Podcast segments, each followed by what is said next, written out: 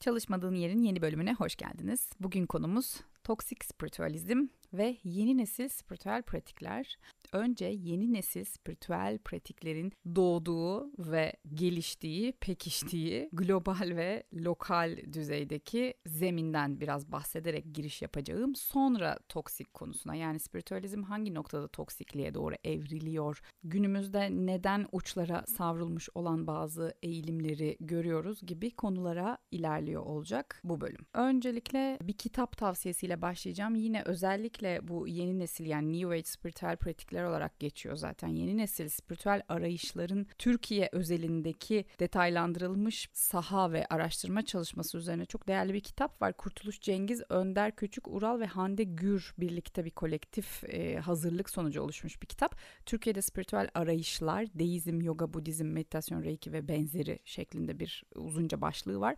Muhteşem bir kitap. Özellikle bu alanda profesyonel düzeyde çalışan meslektaşlarıma kesinlikle öneriyorum. E, hangi sosyolojik ve psikolojik dinamikler sonucunda buraya doğru Türkiye özelinde önce tabii ki küçük bir global özet e, yapılıyor ve devamında Türkiye'de nasıl bu iş bu kadar popülerleşti ve bugün artık herkes yoga yapıyor. Bunları çok katmanlı bir şekilde anlatan bir kitap. O yüzden tavsiye ediyorum. Zaten belli parçalarından da faydalandım bu bölümü çekerken. Benim epeydir dediğim gibi üzerine düşündüğüm ve neden işte o uçlara savrulma hali en başına gittiğimizde neden yeni nesil bir spiritüel pratiğe ihtiyaç duyuyoruz? O manevi arayışın kökeninde ne yatıyor? Bunlara kafa yorduğum için ve bunları aslında temellendirmeye çalıştığım için bu bölümü demlendirip sunmak istedim. Şimdi bu tabii ki sadece Türkiye'de kullanılan bir kavram değil. New Age Spirituality diye çok evrensel olarak kullanılmış olan bir kavram ve bir şemsiye tabiri aslında buradaki New Age, yeni nesil tabiri. Çünkü manevi arayış dediğimiz şey hakikaten 20 20. yüzyılda bir kabuk değiştirdi. O zamana kadar daha dini örgütlenmenin yani kurumsallaşmış dini sistemlerin içerisinde kendi manevi arayışını konumlandırmış bulunan birey artık o dini sistemlerin içerisinden çıkarak bir kopuş yaşamak istedi. O kopuşun bunun çeşitli dinamikleri, bunun çeşitli sebepleri var. Bunları zaten konuşuyor olacağız.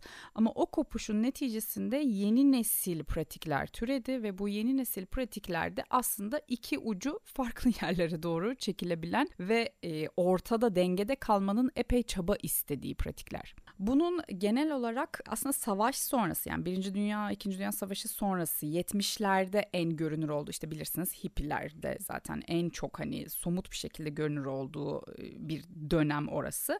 Yani aslında temel olarak modernizm sonrasında evrensel olarak savaşın getirdiği her anlamda hem sosyolojik hem psikolojik hem ekonomik hem kültürel yıkım sonucu yeniden bireyin kendini araştırması, kendi benliğini inşa etmesi, toplumla ilişkisini, aileyle, çekirdekle ilişkisini, daha bütünsel olan sistemlerle ilişkisini yeniden kurgulamasını gerektirdi.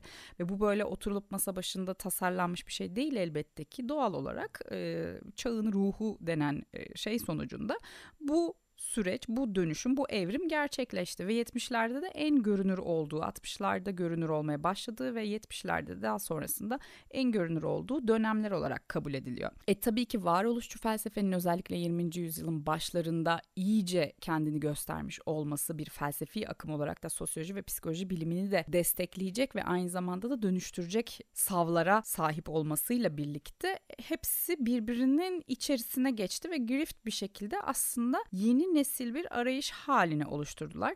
Burada postmodernizm tabii ki 60'lar sonrasında çok önemli çünkü postmodernizm o bireyin yeni bütünle olan ilişkisini yani toplumsal olanla ilişkisini dönüştürmesi anlamında çok değerli.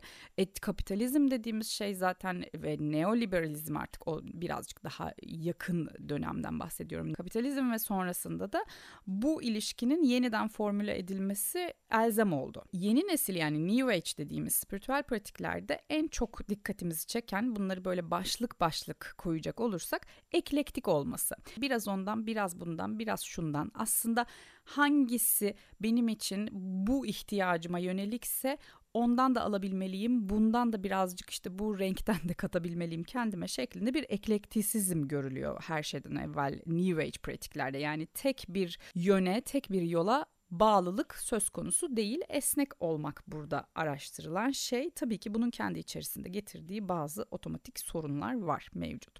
Onun dışında bireye yönelik olması dediğim gibi bireyin bütünle ilişkisi modernist dönem sonrasında yani postmodernizmle birlikte yeniden formülize edilmek zorunda kalındı ve bireyin kendi arayışı da bambaşka bir çerçevede devam etmek zorunda kaldı. Yine holistik yani bütüncül bir bakış açısı var ama bu sefer bütünle ilişkisini farklı bir düzeyde kurguluyor. Yani bütünün bir parçası olmaktan ziyade bütünün oluşturucu o yapıyı söküp ondan sonra tekrar o yapıyı yeniden inşa eden ve kendi parça bütün ilişkisindeki baskınlığını ortaya çıkardığı bir yapılanma hali var burada. E, sistematik olmaması yani az önce de dedik işte dinsel sistemlerin katı dogmatik sistemlerin karşısında olması ama burada çok çelişkili bir şekilde kendi içerisindeki dogmalara yani kendi kendine de bir dogma yaratıyor olma gibi bir eğilime de düştüğü söylenir özellikle uçlara savrulmuş olan toksik boyuttaki spiritüalizmden bahsediyoruz. Tabii ki çok daha eski, antik ve kadim öğretilerden besleniyor olması aslında bu eklektisizmin de bir parçası. İşte ezoterik öğretilerden, okültist eğilimlerden, mistik eğilimlerden, kimi zaman e, daha dini bir bakış açısıyla baktığımızda deizm özellikle çok yaygın. Panteizm belki işte o doğa tanrıcılık bir parça kendini gösteriyor. Paganizm bir parça kendini gösteriyor. Bunların hepsinden bir çorba oluştuğunu düşünün. Bunlarla şekillenmiş bir New Age spiritüel pratik dünyası hayatımıza girdi aslında 20. yüzyılın ortalarından itibaren. Burada tabii ki yine 20. yüzyılın başlarında o modernite ile birlikte ve yani doğa bilimlerinin aslında yükselişiyle birlikte çok katı bir materyalist dünyanın hakim oluyor olması bu kopuşu elbette ki çok daha görünür kıldı. Evet materyalizmin o dönem için katı tarafları vardı ama nihayetinde e, belli bir sürecin sonunda o materyalizm de kendi içerisinde evrilerek dönüşmeye başladı. Sadece spiritüalizmle doğa bilimlerinin birbirinden ayrı ayrışmaması gereken küme var daha doğrusu. İşte tam da zaten toksikliğe giden boyut o kümenin dışına çıkmaya başladığı yer. Birazdan buna da geleceğim zaten. E dışlayıcılık çünkü dinsel sistemlerin yani established dediğimiz yani kurumsallaşmış olan artık özellikle bunlar tabii ki tek tanrılı dinler özelinde şu anki dünya düzeninde baktığımızda baskın olarak dinsel sistemlerin yarattığı bir dışlayıcılık var. Yine son yüzyıldan bahsediyoruz burada. E, o dışlayıcılığın karşısında daha kapsayıcı bir arayış tabii ki bu New Age pratikler. Ve doğal olarak o dönem gerçekleştirilen doğu coğrafyalarına olan seyahatlerle Budizme, Hinduizme, mistik öğretilere, doğu öğretilerine olan ilgilerle pekişmiş halde. Örneğin çokça daha önceki bölümlerimde de bahsetmişimdir. İşte Heidegger, Suzuki'nin düşünceleriyle Zen Budizmiyle kendi varoluş felsefesinin ortak noktalarında Schopenhauer'in Upanishadlardan epeyce etkilendiğini biliriz. Budizm dediğimiz şey, Zen meditasyon dediğimiz şey mindfulness olarak doğrudan Amerika'ya John Kabat-Zinn tarafından transfer edildi ve orada başka bir şekilde ki bu tabii ki başarılı bir dönüşüm oldu mindfulness'ın yayılması ve özellikle tıbbi alanda kullanılması anlamında. Bunların hepsi tabii ki bu New Age pratiklerin gelişimini ve yayılımını hızlandırdı. E, çeşitli festivaller, etkinlikler vesaire. Buradaki yine toksik boyuta e, ben konuyu getireceğim için yani bu. Bu işin hangi noktada tehlikeli bir hale, pin ucunun kaçtığı bir hale evrildiğini irdeleyeceğim için bu bölümde iki tane belgesel önerim olacak. Netflix'te belki izlemişsinizdir bu konularla ilgiliyseniz e, nasıl cult lideri olunur ve Vahşi Kırlar. Bu ikisi de bir belgesel dizisi. Vahşi Kırlar zaten doğrudan Osho'nun hayatını anlatıyor. İkisinde de hakikaten bir şeyin toksiklik boyutuna nasıl geçtiği, suistimal boyutuna nasıl geçtiği ile ilgili çok kilit ve çok önemli noktaların altı çiziliyor. Ben çok beğenerek izlemiştim. Ve tabii ki global olandan Türkiye özelinde olana yani bizi ilgilendiren kısmı da değineceğiz. Türkiye'de bu nasıl ola geldi kısmıyla da birazcık ilgileniyor olmamız gerekiyor burada. Yine burada daha evrensel çerçevede kitabın alıntılarından bir tanesi Max Weber'in bir sözü modern dünyanın büyüsünü kaybettiği ve postmodernizmle birlikte tekrar yeniden o büyüyü kazandığı gibi bir görüş hakim. Dolayısıyla postmodernizmin burada kilit bir rol oynadığını biliyoruz. Yani postmodernizm aslında bu yeni nesil spiritüel pratiklerin doğuşunda önemli bir katalizör görevi görüyor. Çünkü işte o büyü modernitenin kaybettirdiği büyüyü tekrar yeniden dünyaya kazandırmak ve o dünyayı tırnak içerisinde renklendirmek gibi bir birey özelinde renklendirmek gibi bir e, amacı farkında olmadan belki amacı olmuş oldu.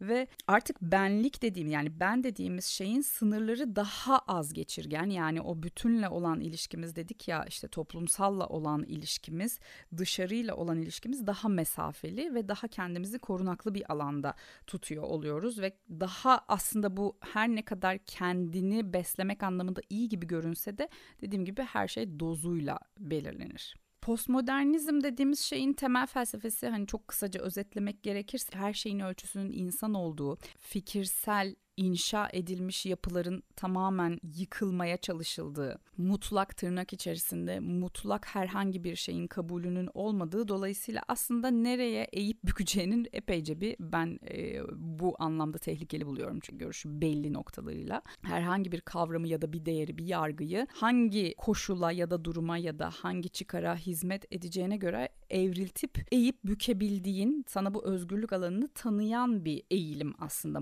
postmodernite. Bu yüzden zaten kendi içerisinde paradoksları getiriyor. Ama yine tabii ki bir adım öncesine döndüğümüzde modernitenin de tabii ki yarattığı o işte sekülerleşme, o rasyonelitenin bilimle birlikte çok fazla yükseliyor ve baskınlaşıyor oluşu insanlarda bir katılığa karşı tırnak içerisinde o katılığa karşı kendini savunma mekanizması geliştirmiş oluyor. Ve aslında New Age'in bir diğer sembolik anlatısı da herhangi bir şeye ait olmadan inanma kavramı. Yani inanç kavramı hala var. Aslında hibrit bir şey New Age. Yani sanki yeni bir şey türetmiş gibi görünüyor ama aslında eskiden getirdiği bazı tanıdık paternleri, tanıdık şablonları da yine kendisine malzeme ediniyor elbette ki. Özellikle inanç kavramı yani inançtan vazgeçmiyor ama artık o inancı aidiyetle birleştirmiyor. Yani kapatmıyor kendini herhangi bir sistemin içerisine. Ama tabii ki bu kapatmama hali yine burada bir paradoksal bir yapı var. Kapatmıyor, ait olmadan inanma kavramı üzerinde yeni bir pratik geliştiriyor ama bu sefer kendisi kendini circle'ın içerisine hapsediyor. Bunları zaten anlatacağım. Burada yine dikkat çeken şey new ol yani yeni olarak tabir ediliyor olmasının bir diğer sebeplerinden biri de tabii ki sınıfsal bir yapı.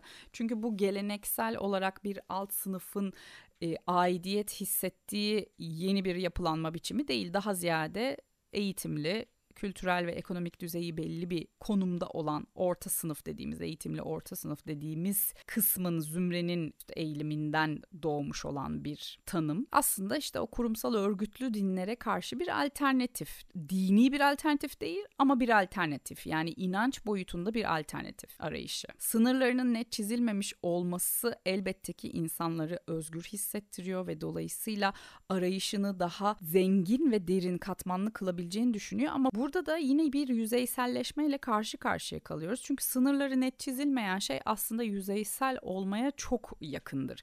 Çünkü bunu işte postmodernizmin en e, problemli tarafı zaten kendi algına, ihtiyacına, kendi kavrayışına, idrakına göre her şeyi eğip bükebilirsin. Dolayısıyla eklektik dediğimiz şey işte birbirine biraz ondan, biraz ondan, biraz bundan, bundan biraz daha az çünkü buna çok da ihtiyacım yok deyip bu şekilde bu kadar böyle hibrit ve hangi temele dayandığının çok belirsiz belirsiz olduğu, çok muğlak olduğu yapılar ve kavramlar üstüne bir şeyi bu kadar çorba edince hakikaten o yüzeysellik bir noktada kendini gösteriyor. Yani eklektik dediğimiz şey aslında öyle bir sanat tarihinde de böyledir. Yani eklektik mimari dediğinde çok da iyi bir şeyden bahsetmezsin. Sınırlarının iyi çizilmiş olması iyi bir şeydir genel olarak hayatta belli felsefelerin, belli öğretilerin. O yüzden New Age spiritüel pratiklerde bu sınırların e, muğlak olması, nereye çekersen oraya gidiyor olması kısmı işte neden toksikliğe vardığını da gösteriyor. Yani tabii ki her şeyin marjinal ve radikal bir tarafı var. Hayatta her şeyi marjinalize edebilirsiniz.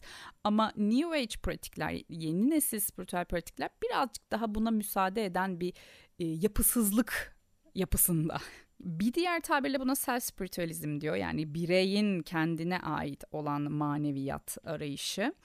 Ee, önce her şeyi kendinden başlatmak, kendi benliğinin ve kendi iyileşmesine hizmet eden, kendi well-being diyelim hadi buna, iyileşmesine hizmet eden şeylerle süreci başlatmak buradaki temel motivasyonlardan bir tanesi. Bu çok iyi gelse de kulağa, güzel ve doyurucu gelse de aslında işte dedik ya o parça bütün ilişkisinde bir yerlerde takılı kalmış olan bir noktaya işaret ediyor. Yani her şeyin önce kendinden başlaması aslında biraz sorumluluksuz, kendini sorumluluktan azat ettiğin bir hale doğru indirgeme tehlikesi taşıyor. Herkes bunu böyle yapacak anlamında söylemiyoruz. Bu tehlikeyi barındırıyor kendi içerisinde. Modernitenin ve postmodernitenin zaten birbiriyle karşıtlaştığı temel eğilimlerden biri de bu kısım zaten. Yani o parça bütün birey ve toplum ve evren ve bütün her şey ilişkisinde nasıl bir görev bilinci, etik bilinci, değer bilinci üretiyorsun? Dedik yeniye yönelme evet ismi yeni ama tanıdık paternler barındırıyor, tanıdık göndermeler barındırıyor kendi içerisinde. Zaten kadim öğretilere yapılan referanslar ve o kadim öğretilerin şu an tekrar yeni yeni Rönesans gibi, Rönesans da yeniden doğum demek gerçi ama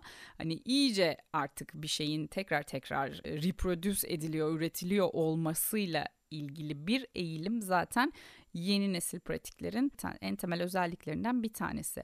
Burada kategorilere ayrılabiliyor yeni nesil pratikleri icra edenler daha doğrusu. Bir sadece işte well-being denilen o esenlik, iyi hissetme, sağlık amacıyla bunu yapan belli bir kesim var. Burada fiziksellik ön planda yani işte yogasını yapıyor, her neyse qigong'unu yapıyor ama bunları daha ziyade fiziksel olarak kendini iyi hissettiği için yapıyor. Spiritüellik olabilir içerisinde ama şart değil. Her zaman spiritüel olmak zorunda değil. Biz kendi e, derslerimizde de bolca görüyoruz. Bu da gayet okey, hiçbir problemli tarafı olmayan bir tavır ve tutum bana göre. Yogayı sadece bedenin için yapıyor olabilirsin. Çok okey. Çünkü zaten ne dedik çok daha önceki bölümlerde de hep bunu anlata anlata dilimde tüy bitiyor. Bedenle yaptığın her şey zihne tezahür ediyor. Bu bilim yani somatik bilimiyle ilgili bir şey. O yüzden zaten o kişinin çok spiritüel bir arayışı olmasına da gerek yok yoga yapıyor olması için. Tamamen kişisel tercihi onun yogası daha az yoga değil. Bir diğer e, kategoride full spiritüel hatta neredeyse fiziksel bir pratiği e, dışlayacak ya da kötüleyecek düzeyde bir e, spiritüellik arayışı. Bu tamamen maneviyat üzerine kurulu bir e, kategori. Burada tabii ki bireyin bu total olarak o şemsiyeye yönelmesinde katalizör görevi gören tabii ki bir olay, bir gerilim, hayatta bir varoluşsal bir gerilim problem hissediyor olması söz konusu. Ben etrafımda yani öğrenciler özelinde konuşamam ama kendi meslektaşlarım özelinde, yoga hocaları özelinde konuşabilirim tabii ki. Etrafımda hakikaten yogaya öyle aa bu da neymiş diye deneyeyim, başlayayım diye yoga yapan pek insan görmedim ya da hoca olmuş olan pek görmedim. Genellikle hayatlarında bir gerilimin çözülme ihtiyacı sonucunda o manevi arayışla birlikte o manevi arayışı bedeninden yola çıkarak o bedenin sağaltım gücünden yola çıkarak bulma hissiyle sezgisiyle belki açılmış bir yol oluyor. E, hatta geçen gün bir arkadaşım video yollamıştı. O videodaki adama soruyorlar ailenizde mental bir rahatsızlık var mı diyor. O da diyor ki amcam e, yogaya başladı. Kendi içerisinde çok tatlı bir mizah hakikaten. Çünkü evet yani hepimiz delirip yogaya başladık. Ben dahil. Delirmedik ama evet bir gerilim sonucunda o gerilimi çözme hissiyatıyla aslında artık kendi benliğine ve önünde farklı bir yol açılacak olmasına dair kendini hayatın içerisinde konumlandırmana dair yeni sorular karşına çıktı. Çalışmadığın yerden sorular karşına çıktı. O soruları artık bildiğin cevaplarla bildiğin yerden cevap veremez hale geldiğinde işte önüne çeşitli bu tür pratikler açılıyor. Yoga da bunlardan bir tanesi. Benim kendi doğal olarak yani değişimin zaten bir gerilim neticesinde yüzeye çıkması evrenin doğal hayatın doğal kanunu gereği bu bu şekilde yaşanıyor ve bireyde de bir katalizör var elbette ki seni bu yola iten. O yola girdikten sonra hali hazırda bulunan komüniteden bir parça uzaklaşma hali görülebiliyor. Yine bunun toksik bir boyuta gelmiyor olması da önemli olmakla birlikte elbette ki mental kapasiteni ve düşünme yetini, idrak yetini yükselttiğinde tabii ki seninle aynı idrak yetisinde ya da farkındalık diyelim buna aynı farkındalık düzeyinde olmayan insanlarla herhangi bir şeyi paylaşacak derinlik bulamıyor olman çok normal. Bu hepimizin hayatta yaşadığı şeyler. O yüzden hani çok duyarız ya da duymuşsunuzdur. İşte ay e, yogaya başladı, yoga hocası oldu, eski arkadaşlarıyla görüşmüyor. Hayır kimse kimseyle görüşmüyor ya da küs değil. Sadece başka konular, başka paylaşımlar, başka sözel ihtiyaçlar ya da başka duygusal ihtiyaçlar doğal olarak vuku bulduğu için orada periferin değişiyor. Tabii ki habitatın, kendi çevren değişiyor. Spiritüel dediğimiz şey yine içerisinde bu spiritüel manevi arayış dediğimiz şey yine içerisinde mantıksal bir tutarlılık ve duygusal bir motivasyon barındırıyor. Yani uçuş uçuş böyle mistik kavramlardan bahsetmiyorum bizi bu tür arayışlara iten şeylerden bahsederken. Dönüşüm kaçınılmaz olduğunda ve o kişi onun hazır olduğunu hissettiğinde zaten bir şekilde kendini orada buluyor. Yani bu böyle bir günden bir geceye de olan bir süreç değil zaten. Ve dedik ki işte ne, özellikle son 30-40 yılda neoliberal paradigmanın bireyi kutsaması yani bireyi bireyi çok kutsal bir yere koyması. Çünkü kapitalizmin işine bu bu şekilde geliyor. E postmodernizmin dedik özneyi daha bütünle olan ilişkisinden kopartıp başka bir yerde daha amaca yönelik, daha esnek ve oynak bir zeminde yeniden kimlik ve tercihiyle, bireysel kimlik ve tercihiyle tekrar inşa etmeye çalıştığı bir paradigma söz konusu. E bu da tabii ki buna yönelik cemaatleşme ya da komüniteyi güçlendiren bir hal aldı. Türkiye özelinde ise özellikle 25 senedir yine kitabında özellikle vurguladığı kısımlardan bir tanesi bu. Seküler orta sınıfın elbette ki çeşitli dertleri var. Bunları artık burada konuşmaya gerek yok. Ekonomik, kültürel ve sosyal pek çok sancının ve gerilimin içerisinde yaşıyor seküler kesim. Belli bir karamsarlık sürekli kendini gösteriyor. Her ne kadar bir dayanışma ve e, umuda yönelik çeşitli çabalar ve söylemler hakim olsa da seküler orta sınıf aslında kendini son 25 senedir bir parça daha azınlık hissetmeye başladığı, kendini çaresiz hissetmeye başladığı bir dönemden geçiyor.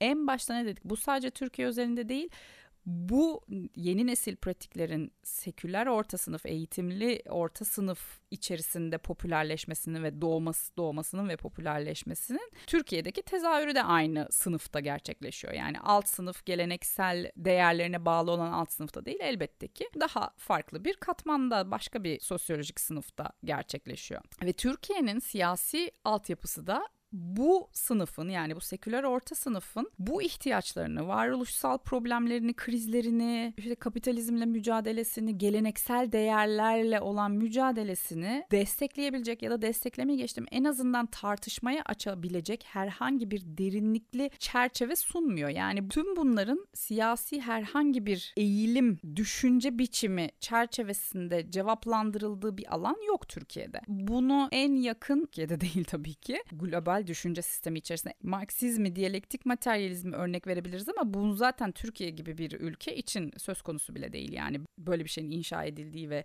toplumun belli bir kesiminde kabul edilmiş bir düşünce sistemi üstüne bu tür arayış pratiklerini teorik zeminde birleştirmek zaten Türkiye için söz konusu değil. Maazallah komünist derler.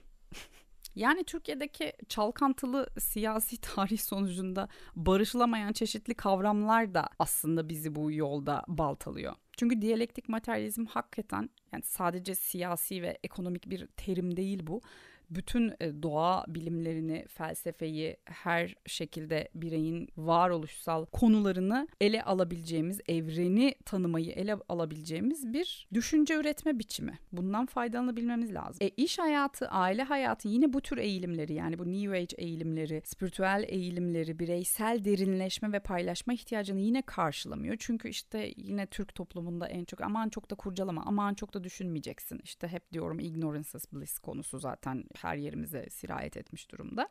E, dolayısıyla e, seküler orta sınıf hangi noktada kendi manevi boşluğunu dolduracak bu kısım bir soru işareti olarak dururken işte karşısına bu yeni nesil pratikler çıkıyor. Örneğin Sufizm gibi bir geleneğin Türkiye'de bu coğrafyada var olmuş olması. Örneğin yine Hinduizm'deki yani yoga felsefesindeki aslında Advaita Vedanta kavramıyla vahdidi vücut kavramının aslında hemen hemen aynı şeylere denk geliyor olması. Bir olana ulaşma. İşte benden bire doğru ben birin tezahürüyüm, bir de benim, ben de birim falan şeklinde böyle bu birlik bütünlük üzerine kurulu işte vahdedi vücut dediğimiz şey. Bu felsefeyle doğu öğretilerinin örtüştüğü noktalarında keşfedilmesi elbette ki süreci Türkiye için e, hızlandırıyor ve pekiştiriyor. E bu nedenle de bu tür karşılaşmalar, çarpışmalar, örtüşmeler bu seküler orta sınıfa cazip geliyor ve bu New Age eğilimleri her şekilde değerlendirmek istiyor. Çok doğal bir şekilde, çok doğal bir eğilimden bahsediyoruz burada. E çünkü zorlanmayan bir taraf var. Bireyselliğe dediğimiz gibi imkan veren, o bireyselliğini korumana imkan veren bir taraf var. E kendini olumlamayı ve kendine yönelik kucaklayıcılığı geliştiren bir taraf var. Ta ki her şey toksikleşene kadar. Hep ne diyoruz? Bir şeyin dozu önemlidir Zehir de olabilir, ilaç da her neye başvurduysak. O yüzden bu manevi arayışlarda da doz ve hangi uçta bunu yaşadığımız kısmı çok önemli.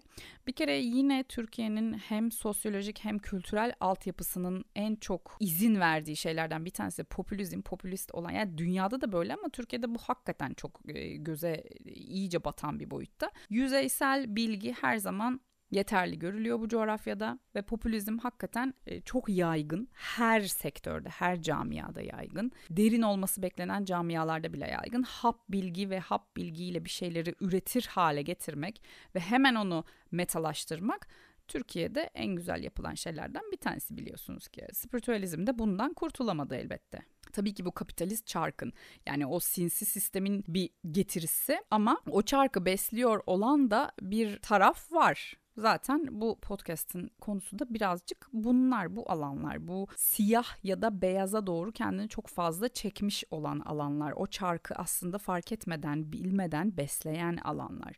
Kendinle çalışma dediğinde işte kendini bilmek, iyileşme, öz araştırma dediğimiz şeyleri hakikaten meta düzeyinde sığ bir bilgiyle o çarkın içerisinde çalışır işler hale getirmek bunu fark etmeden de olsa buna hizmet ediyor olmak benim vurgulamak istediğim nokta. Yine tabii ki hem global hem Türkiye özelinde söylüyorum bunu. Spiritüel tabiriyle aşkıncılığın birbirine karıştırılması gibi bir durum da söz konusu. Şimdi spiritüalizm aslında maneviyat tabii ki manevi olana işaret eden bir kelime. Ancak burada manevinin yani mananın ne olduğu kısmı da çok problemli. Mananın tanımıyla ilgili her şeyi mistik bir zemine çekersek o zaman bu aşkıncı bir tarafa gider ve aslında dini dogmalardan çok da uzaklaşmamış oluruz. Yani aynısının laciverti gibi bir şeye dönüşüyor. Şu an olan şey bu. Burada apayrı yani madde mana işte o zihin, bilinç, fiziksellik, fiziksel olmadığı düşünülen ama aslında yine fiziksel bir temel barındıran madde mana ilişkisine dair ayrı bir bölüm çekeceğim. Şu anda hatta üzerinde de çalışıyorum ve müthiş bir kitap e, Saffet Murat Turan'ın ilginiz varsa kesinlikle okumanızı tavsiye ederim. Mana dediğimiz şeyin neden mistik olmadığı üzerine yani mana da aslında metafizik dediğimiz şey de aslında bu dünyaya ait bir şey. O yüzden spiritüalizm ve maneviyat da çok aşkıncılıkla karıştırılıyor. Metafizik ve mistik bir şeymiş gibi algılanmaya çok müsait. Okey bundan besleniyor ve bunun sana iyi geldiğini düşünüyorsan elbette ki her tür mistik referansı kendine uyarlayabilirsin ve bununla beslenebilirsin. Bunda hiçbir problem yok ama kavramları felsefi düzlemde e, birbiri üzerine yapıştırmamak önemli. En azından neyin ne olduğunu görebilmek anlamında. E, uçlara savrulmak dedik. Bu uçlara savrulma hali zaten insanlarda bu pratiklere, bu yeni nesil spiritüel pratiklere girmiş kişiler için ister sadece hobici düzeyinde olsun ister profesyonel düzeyde olsun bu kişiler için bu uçlara savrulma hali dışarıdan bakıldığında bir ön yargı yaratıyor. Bir olumsuz izlenim yaratıyor aslında zihinlerde. Aa işte çok duymuşsunuzdur yoga yapıyorsanız ya da bu camianın içerisindeyseniz. İşte siz yogacılar şöyle şöyle şöyle aa şimdi işte böyle böyle mi yapacaksınız? falan şeklinde. Hani böyle dışarıdan camianın içerisinde neler olup bittiği ya da neyle ilgilenildiği kısmı o kadar muğlak görünüyor ki ve o kadar ayakları yere basmaz görünüyor ki baktığın zaman o temsil dışarıya sızan temsil her halükarda bir ön yargı yaratıyor ve o ayrışma ayrışmayı aslında daha netleştiriyor. Burada elbette ki kimseye kendimizi ispatlamak ya da işte ay hayır biz öyle yapmıyoruz şöyle yapıyoruz demek gibi bir zorunluluğumuz yok. Herkesin fikri kendince ama sorumlusu olduğumuz bir öğretiler bütünü var. Nihayetinde yoga dünden bugüne türemedi. Yoga kaç bin yıllık kadim bir öğreti ve kendi içerisinde teorik, teknik belli dinamikler barındırıyor. Bunları doğru aktarmak, bunun sadece spiritüalizm düzeyine, mistik bir düzeye indirgenmemesi gerektiğini anlatabilmek bu işin profesyoneller olarak bana göre bizim görevimiz. Ben en azından kendi darmamın içerisinde bunu da koyuyorum. Bilgiyi aracılık ediyorsam doğru aracılık etmek. Çıkarlarıma hizmet edecek ya da kendi iyileşme tırnak içerisindeki kendi şifama hizmet edecek şekilde değil, o bilginin doğru aktarımına hizmet etmek şekilde manipüle etmeden aslında aktarmak da bizim sorumluluğumuz.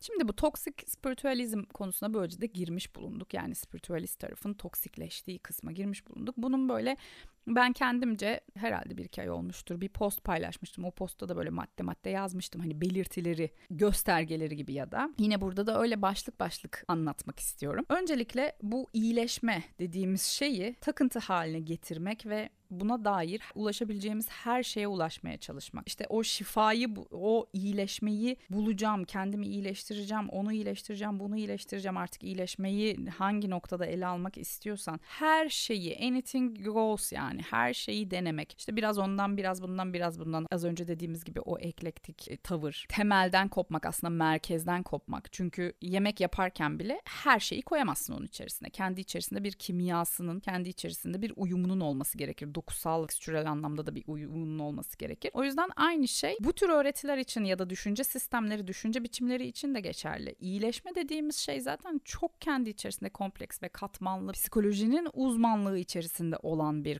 kavram her şeyden önce. O yüzden bu iyileşmeyle ilgili ki burada hemen hop referans veriyorum iyileşmenin fragmanları diye bir bölümüm var. Orayı da dinleyebilirsiniz ilginiz varsa detaylı. Bu iyileşme kavramının altını nasıl doldurduğumuz çok çok önemli ve iyileşmek için ne arıyor olduğumuz kısmı işte bizi toksiklikle sağlıklı manevi arayış, spiritüalizm içerisindeki o spektrumdaki yerimizi belirleyen şey. Bir diğer konu spiritüel ego, ruhsal narsizm. Bununla ilgili de bir bölümüm var. Hatta en çok dinlenen, sevilen bölümlerden bir tanesi. Orada çok daha detaylı anlatıyorum elbette ki. Ee, burada da girdiği yolu, kendi dönüşümünü o kadar gözünde büyütüp narsistik bir komplekse dönüşüyor ki dünyevi olanı, bu dünyaya ait olanı reddetme, kendini sadece daha büyük bir yolda, daha büyük bir amaca hizmet ediyor gibi göre, görmek, düşüğünü haşa kendine yakıştırmamak gibi eğilimler taşıyan o ruhsal narsizm, toksik spiritüalizmin en önemli göstergelerinden bir tanesi. Yine bu yolun büyüklüğü, aslında yolun tırnak içerisinde büyük değil, yolun yalınlığı ve yalınlıktan gelen önemiyle ilgili ta o yol kavramına dair çektiğim bölümü de dinleyebilirsiniz. Bir parça aslında Mesih kompleksinden bahsediyoruz. Kendine çok büyük misyonlar, görevler atamak, o görevler neticesinde varlığına bir anlam kazandırdığını düşünmek vesaire vesaire. Toksik spiritüalizmin bir alt başlığı olan ruhsal narsisizmi bize gösteriyor. Bir diğer alt başlığı öz şefkat kavramının suistimali olarak görebiliriz. Öz şefkat dünyanın en zor şeylerinden bir tanesi. Hakikaten çok değerli. Çünkü öz şefkat kapasitesi gelişmemiş bir kişi aslında asıl bencil olan kişi oluyor Erik Fromm'a da göre. Sevme Sanatı kitabında Erik Fromm bunu çok güzel anlatır. Öz şefkati uyandırmak, güçlendirmek istiyoruz. Evet, yoga özellikle bunun için en önemli çalışma alanlarından bir tanesi. Ancak bunu güçlendireceğim derken ben merkezciliği meşru kılmak aslında o ben merkezciliğini öz şefkat süslemesi altında bir sorumluluk azadına dönüştürmek suistimal haline dönüşüyor. Yani öz şefkat dediğimizde kendimizi dış dünyaya karşı herhangi bir sorumluluktan muaf tutmuş olmamamız gerekiyor. İşte kendime e, bunu yapmayacağım, kendimi e, öz şefkatimi güçlendireceğim, bundan bundan bundan zarar görüyorum vesaire. Yani burada yine çok hakikaten ince bir çizgi var ve çok dengeli dengede çok ortada bir yerlerde kalmak gerekliliği öne çıkıyor. Diğer türlü kaba bir bencil ve sorumluluksuz ve ben merkezci insana dönüşme tehlikesi barındırıyor. O yüzden öz şefkat kavramının suistimal edilmemesi de bence çok değerli toksik spiritüalizmin alt başlıklarından biri olarak. Yine bununla bağlantılı bir başka şey olumlama ve kabul. Öz şefkate benzer bir başka katman aslında bu. Olumlamayı, kabulü yani işte kendimi bu şekilde kabul ediyorum, ben böyleyim vesaire. Kısaca özetleyecek olursak sadece kendisi ve sevdikleriyle ilgili bir kavram olarak hayatına tezahür ettirdiyse bu da yine toksik bir taraf çünkü yargılayıcılıktan kurtulmuş olmuyorsun. Evet kendini yargılamayı istemiyoruz. Kendini suçlamak, suçluluk duygularını beslemek istemiyoruz zaten. Kendini kabul etmek en değerli pratiklerden bir tanesi ama bunu yaparken dışarıdaki herhangi birilerini sana benzemeyen özellikle altını çiziyorum sana benzemeyen seninle aynı eğilimlere sahip olmayan seninle aynı yolu seçmemiş olan kişileri yargılıyorsan yine hem spiritüel egoya düşmüş oluyorsun hem de bu yargılayıcılıkla zaten kabul dediğin şeyin içini boşaltıyorsun. Çünkü kabul sadece kendimi kabul ettiğim zaman kabul olmuyor. Kabul hayatın her şeyini, hayata dair yaşanılan ve o insanlara dair karanlık olan her şeyi kabul etmeyi içerir. İşte kendi karanlık yanımızla barışalım, o karanlık yanımızı kendi öz çalışmamıza, öz araştırmamıza entegre edelim. Evet ama başkalarının karanlık yanını da onun kendi bireysel bütünlüğü çerçevesinde görüp yargılamadan, dışlamadan kabul edebiliyor musun? O da bir karanlık yan çalışması. Bir diğer başlık kendinin daha iyi versiyonu olmak. Bunu pek çok paylaşımda, içerikte görmüşsünüzdür özellikle sosyal medyada benim önüme çok düşüyor.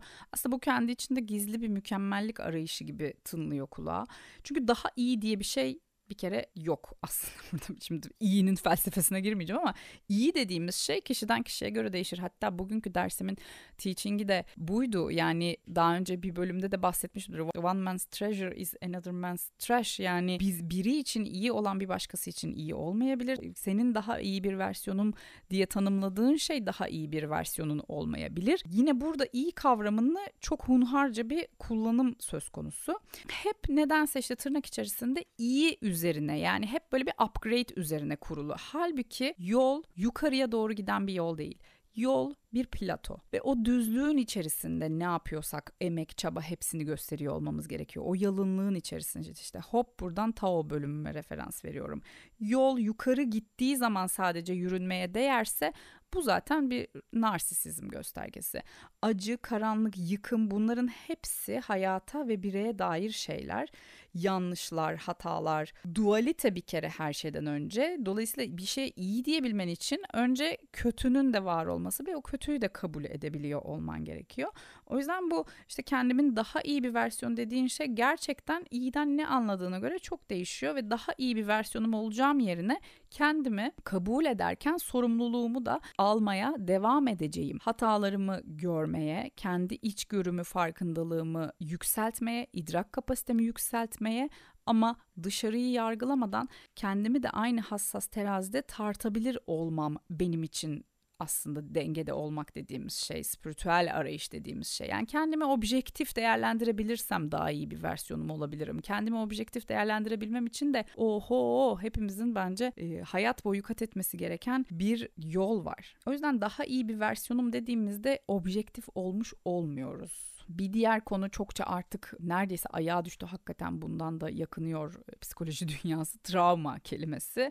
Travma her yerde kullanılıyor. Böyle bir anahtar gibi her kapıyı açıyor. İşte travma şöyle, travma böyle, travma aşağı, travma yukarı. Travma bu kadar kolay kullanılabilir ya da kolay temsile dönüştürülebilir bir kavram değil. Tabii ki burada travmanın psikolojik ve nörobiyolojik altyapısına detaylıca değinmeyeceğim ama travma kavramını da suistimal etmek e, hakikaten bu toksik spiritüel yönelimin bir göstergesi oldu. Ben en azından çok fazla rastlar hale geldim. Her yer bir travma. Hadi meditasyona otur işte travmalarını çözümle falan gibi böyle hap bilgiyle o sığlıkla o popülizmle travma kelimesinin de içi çok boşaltıldı. Zaten psikoloji dünyası epeyce şikayet ediyor bu durumdan. Bir diğer başlık yine benim çok önemsediğim başlıklardan bir tanesi bilimi reddetmek, bilim karşıtlığı. Bilim her ne kadar komplo teorisine yatkın beyinler tarafından farklı amaçlara, global amaçlara hizmet ettiğiyle ilgili çeşitli suçlamalara maruz kalsa da evet ve bir tarafıyla bunun doğru olan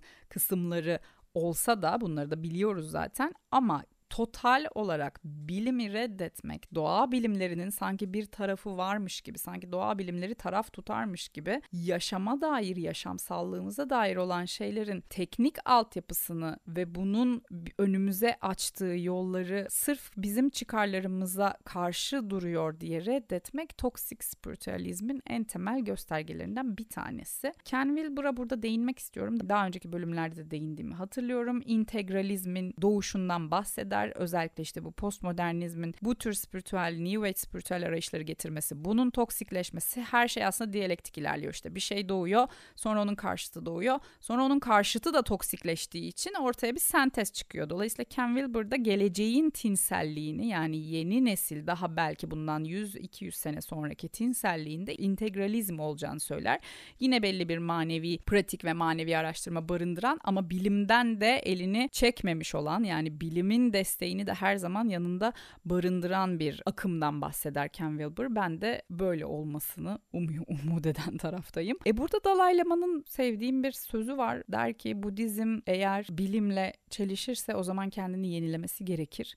Çünkü bilim herhangi bir görüşün karşısında bir şey üretmekle ilgilenmiyor aslında totalde bilimin varoluş amacı. Her şeyi yani yaşamı ve evreni açıklayan aslında biyolojinin ve felsefenin konusu olan o yaşamı ve varoluşu aslında bilime bakmadan hiçbir şekilde temellendiremiyoruz aşkın bir yerlere gitmeye, göremediğimizin ötesindeki şeyi mistisize etmeye, marjinalize etmeye meyilliysek o zaman bilim bize düşmanmış gibi geliyor. Bilim sanki bize karşıt şeyler söylüyormuş ve bizim yaşamamızı, bizim görüşlerimizin, bizim yolumuzun, bizim öğretimizin büyümesini, gelişmesini istemiyormuş gibi geliyor. Halbuki hayır, bilim orada sadece deneyler ve çeşitli somut kanıtlar neticesinde evreni ve yaşamı anlamlandırmaya çalışıyor. Rasyonel bir üretimde bulunuyor ve felsefeyle de bunu destekliyor.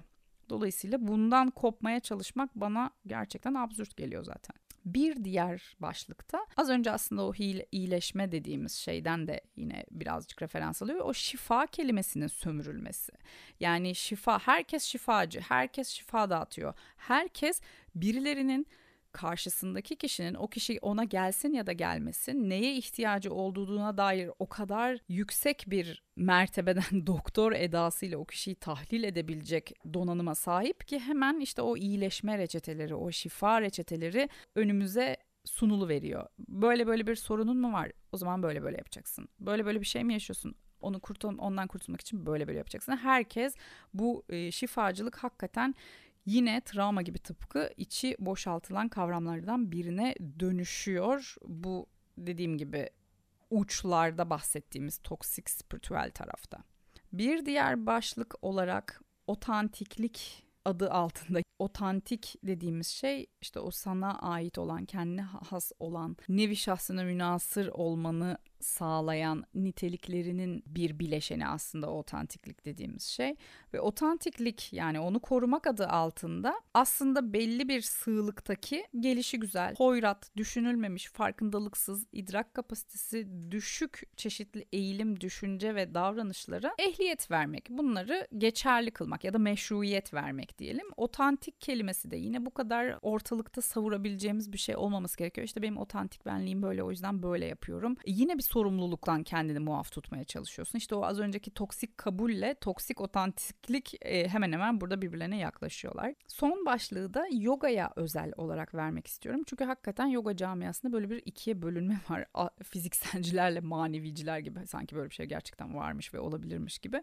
Tabii ki böyle bir bölünme net somut bir bölünme değil ama evet işte bir taraf daha manevi yönelimiyle kendini rahat hisseden ve buradan beslenen bir taraf e, bir şekilde bir fiziksel pratiği shamingleme işte asana shaming diyorum ben buna o asana pratiğini hor görme işte yoga böyle değil yoganın özü bu değil yoga böyle bir şey değil şeklinde çeşitli yargılamalar içerisine girebiliyor. Öncelikle bu çok uzun tek bir bölüme bile sığmayan bir cevabı var bunun. Bir tanesini fiziksel pratiğin yani yogada fiziksel pratiğin önemi bölümünde anlattım. Bir diğeri de son zamanlarda Görkem Dizdar'dan hemen önce çekmiş olduğum somatik yani beden pratiğinin neden farkındalığı güçlendirdiği, neden çalışmaya bedenden başlamalıyız, neden beden ve ardından sinir sistemi ve ardından işte mindfulness dediğimiz şey, meditatif zihin dediğimiz şey, bilinç dediğimiz şeyin güçlenmesi kısmı geliyor. O fiziksel olanı neden dışlayamayız, niye shamingleyemeyiz kısmını bu iki bölümde çok detaylıca anlattım. Bu da yine o spiritüel yaklaşımların biraz toksikleşmeye gittiği bir boyut gibi geliyor bana fiziksel pratiği dışlamak, shaminglemek. Ki zaten bir çelişki barındırıyor diğer bütün spiritüalizmin kabule yönelik, kapsamaya yönelik, bütünselliğe yönelik öğretileriyle. Yıllar önce çok sevdiğim ilk yoga hocam May Elbin'in de hep vurguladığı bir noktaya dikkat çekmek istiyorum. Yoga bir kişisel gelişim aracı değildir. Yani az önce işte o dediğimiz daha iyi bir versiyonum olmak için yoga yapıyorum gibi bir konumuz söz konusu değil. Yoga kişisel olarak gelişmekle ilgilenmez, daha iyi olmakla hiç ilgilenmez, başarılı olmakla hiç hiç ilgilenmez ustalıkla da hiç ilgilenmez.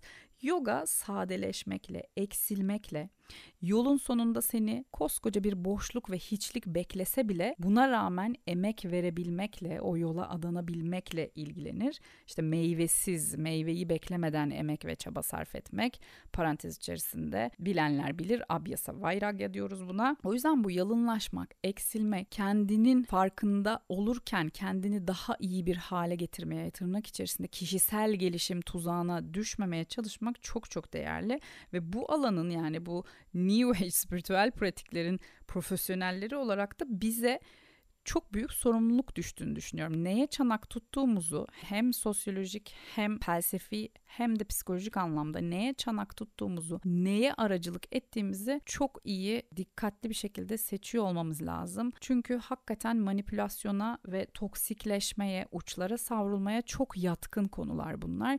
O yüzden tehlike aslında biraz da camianın içerisinden doğabiliyor. Bu her camia için böyle sadece spiritüel camialar için konuşmuyorum yani bu dünyadaki bütün sektörler için bu böyle içerisinden doğabiliyor o uçlara savrulma tehlikesi. Kendi varoluşuyla ilgili, kendi benliğini idrak edebilmekle ilgili bir arayışa girmiş olan kim varsa bizim aracılık ettiğimiz, elçilik ettiğimiz diyorum ben buna. O kişilere, o arayıştakilere biz de buna dahiliz. Arayışı hala devam eden bireyler olarak o arayışın içerisinde birbirimizi uçlara çekmeden merkezde bir yerde aslında belli değerleri reddetmeyen, dinamikleri göz ardı etmeyen bir bölgede kalmamız, güvenli bölgede kalmamız, o güvenli alanı yaşatmaya çalışmamız çok değerli bana göre. Epey de uzun bir bölüm oldu. Sorularınız varsa bana her zamanki gibi sosyal medyadan iletebilirsiniz. Mesajlarınıza cevap vermeye çalışıyorum. Gördükçe geç de olsa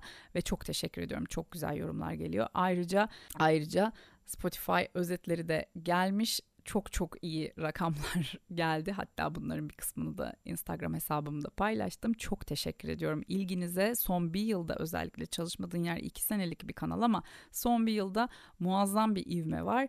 Baya böyle yüzde 300'lerle falan takipçiler, dinlenmeler artmış boyutta. O yüzden hepinize çok teşekkür ederim. Bir yerlere dokunduğumu görmek, bilmek çok çok değerli. Bir sonraki bölümde görüşmek üzere. Hoşçakalın.